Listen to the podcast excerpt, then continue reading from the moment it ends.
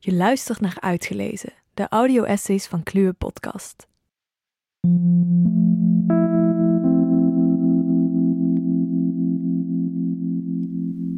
Bij Uitgelezen vind je audioversies van filosofische essays die wij de moeite waard vinden. In dit miniseizoen zijn dat teksten over de bizarre situatie waar we ons in het voorjaar van 2020 plots in bevinden: de wereldwijde verspreiding van het coronavirus.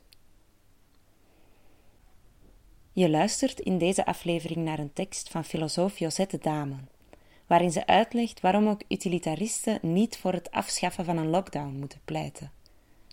Je kunt de tekst ook lezen op de filosofische blog bij naderinzien.com. Ook utilitaristen moeten voor een lockdown zijn en voor economische herverdeling. Bij monden van premier Rutte kondigde het kabinet vorige maand een intelligente lockdown af om verdere verspreiding van het coronavirus in Nederland tegen te gaan. Scholen, restaurants, cafés, theaters, kappers, allemaal moesten ze hun deuren sluiten. Waar dit besluit aanvankelijk op brede steun kon rekenen, gaan er inmiddels steeds meer stemmen op voor het opheffen of versoepelen van de maatregelen. Drie weken geleden wierp hoogleraar Ira Helsloot voor het eerst de vraag op of het gevoerde beleid niet meer kwaad dan goed doet.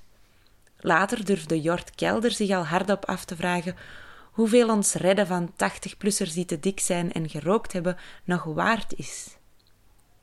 Een groep ondernemers aarzelde niet eens meer om die vraag indirect te beantwoorden, met een pleidooi voor een intelligente open-up en snel een beetje AUB.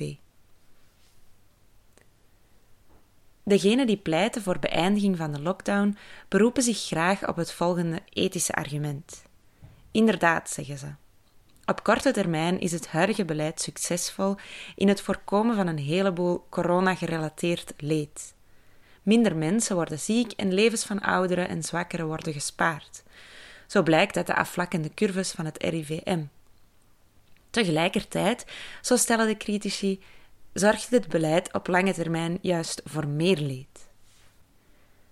De langdurige rem op bedrijvigheid zal een diepe economische recessie tot gevolg hebben, die voor talloze mensen zal leiden tot werkloosheid en inkomensverlies, en daardoor tot een slechtere gezondheid en uiteindelijk zelfs een korter leven.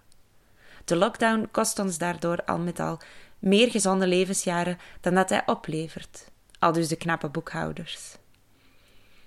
In de geest van het utilitarisme, zo stellen ze vervolgens, zou de overheid moeten kiezen voor het beleid dat aan het eind van de rit leidt tot the greatest good for the greatest number. En dat beleid is het loslaten van de lockdown.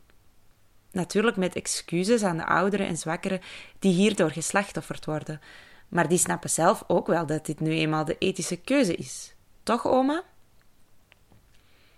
Deze mensen hebben ongelijk.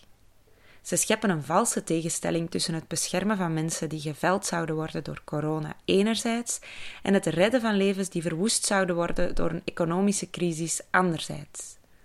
Laat ik drie fouten in hun redenering blootleggen.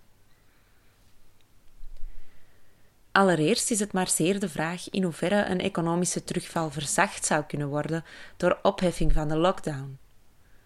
Het loslaten van de maatregelen zou betekenen dat een groot deel van ons ten prooi valt aan ziekte of zelfs dood, en de rest uitgeput raakt door zorg en rouw. De gedachte dat het jonge en gezonde deel van de bevolking gewoon zijn productieve en consumerende zelf zou kunnen zijn, van negen tot vijf fluitend aan het werk, s'avonds lekker de kroeg in, terwijl het spook van corona door het land waart, is absurd.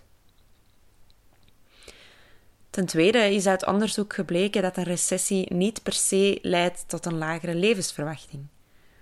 Hoewel het aantal zelfmoorden tijdens zo'n periode inderdaad toeneemt, daalt opvallend genoeg het aantal doden door auto-ongelukken en alcoholgerelateerde ziektes. Als het dus al zou lukken om de economische neergang te stuiten door de lockdown op te heffen, dan valt het nog steeds te betwijfelen of daarmee ook netto levens gered zouden worden. Tegelijkertijd kan niet ontkend worden dat een recessie voor veel mensen veel ellende tot gevolg kan hebben, bijvoorbeeld als ze hun baan of inkomen verliezen. Maar laat ik nu mijn laatste en belangrijkste stelling poneren.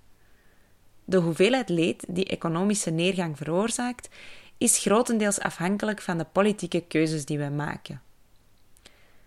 Een recessie hoeft er niet toe te leiden dat mensen in de goot belanden.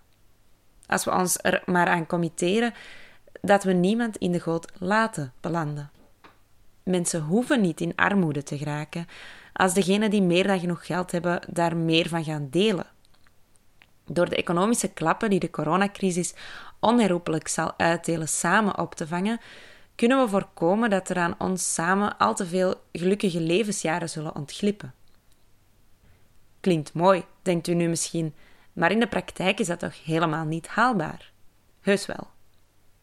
Het bliksemsnelle besluit van de Nederlandse overheid om ZZP'ers, zelfstandigen in het Vlaams, uit de brand te helpen met de nooduitkering toont aan dat het wel degelijk kan. Geld uit de gezamenlijke pot beschikbaar stellen voor getroffenen die anders niet in hun bestaan zouden kunnen voorzien.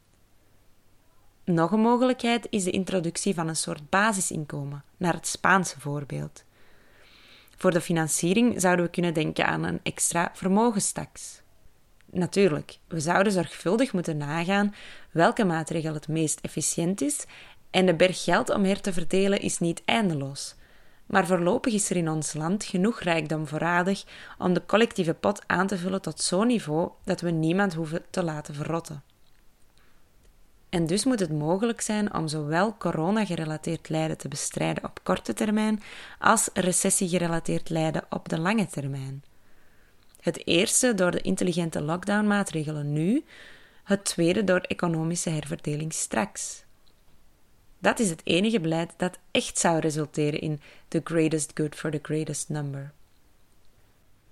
Voor de geleerden, tv-presentatoren en zakenlui die nu pleiten voor het opheffen van de lockdown om de economie te redden, is dat wellicht een ongemakkelijke waarheid. Zouden het dan misschien toch geen echte utilitaristen zijn? Dit was Uitgelezen, de audio-essays van Kluwe Podcast. Met deze keer een audio-essay van filosoof Josette Dame.